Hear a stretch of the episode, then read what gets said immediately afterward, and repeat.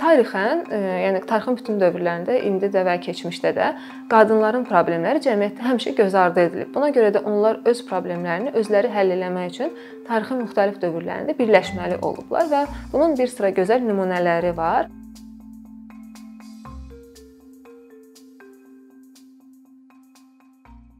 Cəmiyyətdə insanlar müxtəlif əlamətlərinə görə qruplara bölünə bilirlər. Bu əlamətlərə məsələn onların dili, irqi, dini, sosial statusu, gəlir səviyyəsi və s.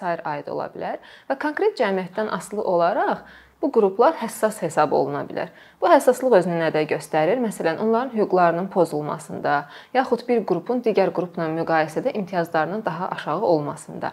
Və həmin həssas qruplar icmalar şəklində birləşirlər. Bəs icma nədir? 60-cı illərdən başlayaraq icma deyəndə o nəzərdə tutulur ki, həmin qruplar eyni ərazidə yaşayırlar və onların arasında müəyyən mənəvi bağ bir əlaqə var və eyni zamanda həmin qruplar onları birləşdirən o ortaq cəhətlə bağlı daima ünsiyyətdə olurlar. Bu halda biz deyirik ki, onlar artıq icma şəklində varlar. Amma e, icma olmaq hələ təşkilatlanmaq demək deyil. Təşkilatlanmağın da bir neçə səbəbləri ola bilər. Məsələn, ortaq təhlükə qarşısında insanlar birləşə bilərlər, yaxud da e, resurslara çıxış əldə etmək üçün birləşə bilərlər və yaxud da sadəcə olaraq bir-birlərinə dəstək üçün birləşə bilərlər. Patriarxal cəmiyyətdə həmin o həssas qruplara qadınlar da aid edilir və qadınlar patriarxal cəmiyyətlərdə təkcə məişət zorakılığı və ya seksual zorakılıq kimi problemlərdən əziyyət çəkmirlər. Ümumiyyətlə, əgər bir regionda hər hansı bir xoşagəlməz iqtisadi, siyasi, ekoloji bir hadisə baş verirsə, yenə də ən çox zərər çəkən qadınlar olur. Məsələn, müharibə, iqlim dəyişikliyi, su və ya ərzaq çatışmazlığı, bir ərazidə e, deyək ki, təhsilə, səhiyyəyə çıxışın zəif olması və s. Hətta ən bəsit nümunədə deyə bilərik ki, əgər bir şəhərdə və ya bir kənddə abadlıq yoxdursa, deyək ki, yolların vəziyyəti pisdirsə, orada da yenə ən çox əziyyət çəkənlər qadınlar olacaqdır. Və bir icma daxilində qadınların problemlərini ən çox özləri başa düşür. Özləri daha yaxşı bilirlər ki, nəyə ehtiyacları var, hansı tələbatları var və bu tələbatları təmin etmək üçün onlar təşkilatlanırlar. Təşkilatlananda nə edirlər? Onlar e, problemi həll etmək üçün fəaliyyət növlərini planlaşdırırlar, həyata keçirirlər və sonra da həyata keçirdiklərini dəyərləndirirlər və eyni zamanda e, onların təşkilatlanması deyəndə potensialların artırılmasını da başa düşə bilərik. Və qadınların təşkilatlanması həm daxildə öz təşəbbüsləri ilə də baş verə bilər, həm də kənardan kimsə onları motivasiya verib stimullaşdıraraq buna sövq eləyə bilər. Hər icma özünə məxsusdur və tələbatları da müxtəlifdir. Ona görə də e, hər icma təşkilatlanmanın öz unikal yolunu keçir və ona görə də biz e, vahid bir modeldən danışa bilmərik. Hərənin öz fərqli təcrübələri olacaq. Lakin ən vacib şey budur ki, təşkilatlanma bir dəfəlik tədbir və ya bir dəfəlik layihə deyil. Bu uzun müddət davam edən bir prosesdir və bu proses nəticəsində həm icmanın ayrı-ayrı fərdlərinin e, şəxsi inkişafı baş tutur, həm icmanın hüquqları daha yaxşı müdafiə olunur, icma xidmətlərə daha yaxşı çıxış əldə eləyir. Eyni zamanda onların maraqları ilə bağlı ictimai vəkillik aparılır təşkilatlanma zamanı. Və tarixən, e, yəni tarixin bütün dövrlərində, indi də və keçmişdə də qadınların problemləri cəmiyyətdə həmişə göz ardı edilib. Buna görə də onlar öz problemlərini özləri həll etmək üçün tarixin müxtəlif dövrlərində birləşməli olublar və bunun bir sıra gözəl nümunələri var. Məsələn, onlardan biri Nikaraguada olmuşdu. 1991-ci ildə Xochitl Akalt adlı bir təşkilatlanma yaratmışdı qadınlar Və onların əsas problemi bu idi ki, regionda yumurtalıq xərçəngi çox yüksək səviyyədə idi və qadınlar e, dövlətin müdaxiləsini görməyib özləri bu problemə qarşı birləşmişdilər, amma o qədər yaxşı təşkilatlanmışdılar ki, gələcəkdə e, fokus e, sahəsini artıraraq ərzaq çatışmazlığı, yüksək səviyyədə savadsızlıq, yüksək səviyyədə gender bərabərsizliyi kimi problemlərə də diqqət ayırmışdılar və Bu problemləri həll etmək üçün nə edirdilər? İcmanın bacarıqlarını artırırdılar. Məsələn, maldarlıqla bağlı, baytarlıqla bağlı, əkinçiliklə bağlı təlimlər keçirdilər, yaxud da icma üzvlərinin hüquqları ilə bağlı maarifləndirmə işləri aparırdılar. Və yaxud başqa bir misal çəkə bilərəm.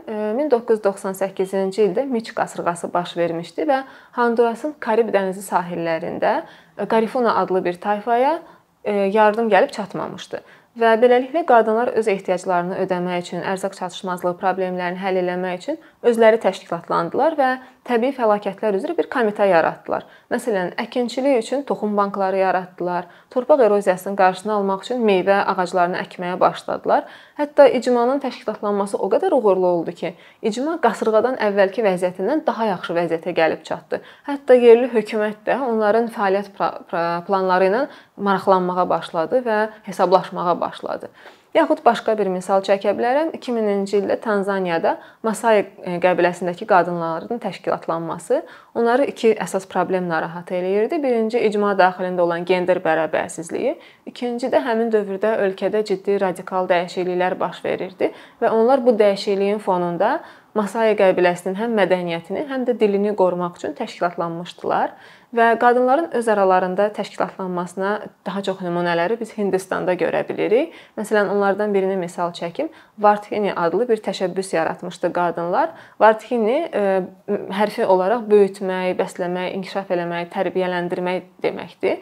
Və o qadınlar nə edirdilər? Onlar bir ştat götürüblər, Maharashtra ştatını və onun bir xəritəsini hazırlayıblar və hər kənddə nəyə ehtiyacı var qadınların, nə çatışmır, nələr etmək olar, bunu müəyyənləşdiriblər və 5-5, 10-10 qruplarla müxtəlif kəndlərə səfər eləyirlər.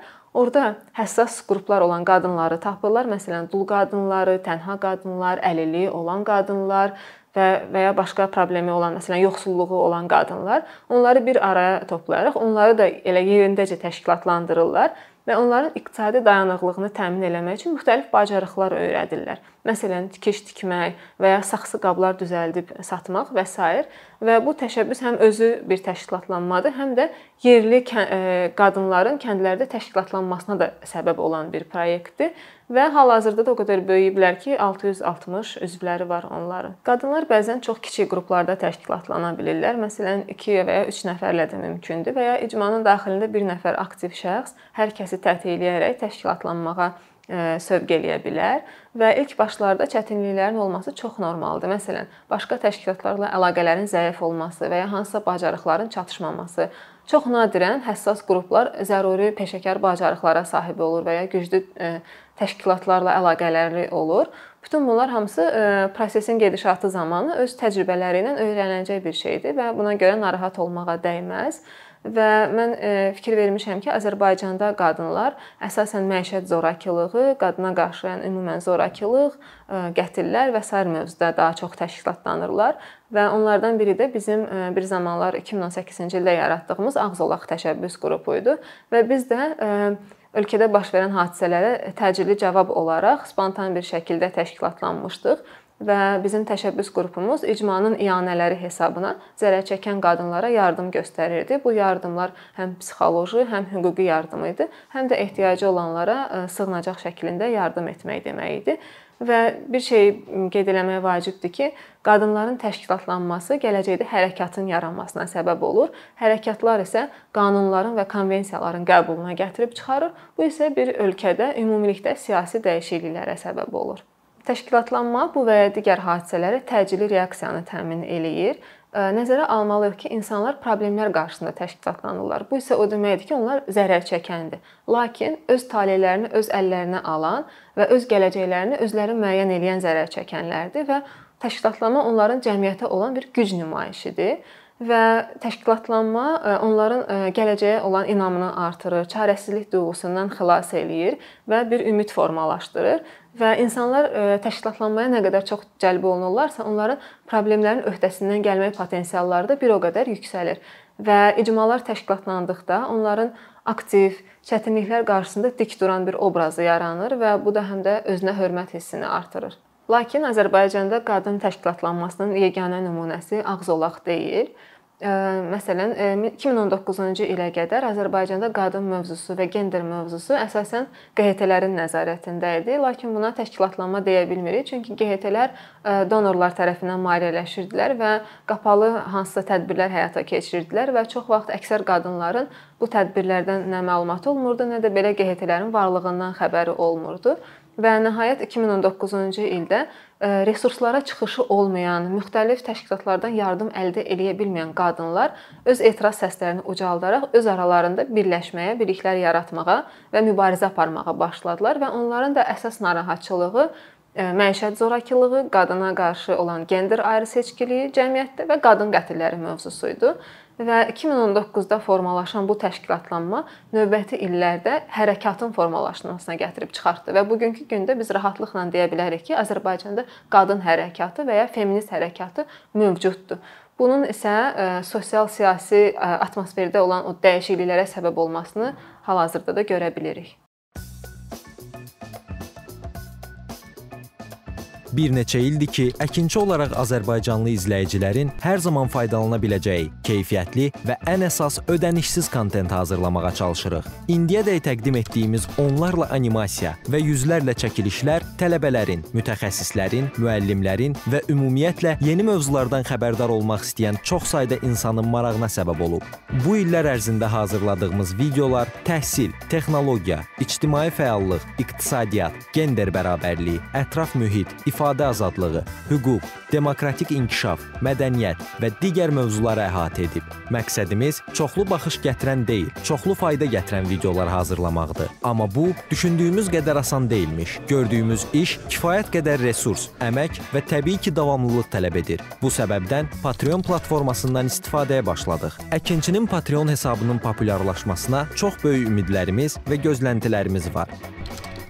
Bəziləriniz Patreon haqqında ilk dəfə eşidirsiniz. Əslində çox sadə izahı olan bir platformadır. Təsəvvür edin ki, siz rəssam və ya musiqiçisiniz. Sosial şəbəkələrdə sizi izləyən, işinizi bəyənən çox sayda insan var. Patreon platforması sizə imkan verir ki, izləyicilərinizin könüllü aylıq ödənişləri sayəsində işinizi davam etdirəsiniz. Sərgi, konsert zallarından asılı qalmayasınız. Amma bu təkcə rəssam və musiqiçilərə aid deyil. Məsələn, əkinçiyə bənzər fəaliyyətlə məşğul olan bəzi layihələrin 10 minlərlə patronu var. Biz də düşündük ki, nə üçün əkinçinin Patreon hesabı olmasın? Sizin dəstəyiniz sayəsində biz daha çox və daha keyfiyyətli kontent yaratmağa davam edə biləcəyik. Amma bu dəstək yalnız maddi dəstək deyil. Dəstəkçilərimizin sayının artması gördüyümüz işlərin faydalı olduğuna dair əminlik verir. Patreon platformasından istifadə çox sadədir. Hesabınızı açırsınız, sizə uyğun dəstək növünü seçirsiniz və Patreon özü hər ayın ilk günü kartınızdan seçdiyiniz dəstək növünə uyğun ödəniş tutur. Bu qədər. Sonda onu demək istəyirik ki, dəstəkçilərin sırasına qoşulmaq istəyən, amma məhdud imkana görə bunu edə bilməyənlər narahat olmasın. Daha öncə dediyimiz kimi, bizim əsas məqsədimiz daha çox insanın hər zaman faydalana biləcəyi keyfiyyətli və ödənişsiz kontentin yaradılmasıdır. Bunun üçün mütləq patronumuz olmalısınız deyə məcburiyyət yoxdur. Amma imkanınız patron olmağa çatırsa və bizim işimizi bəyənirsinizsə, patronlarımızın sırasına qoşulmağınız bizim üçün çox önəmlidir.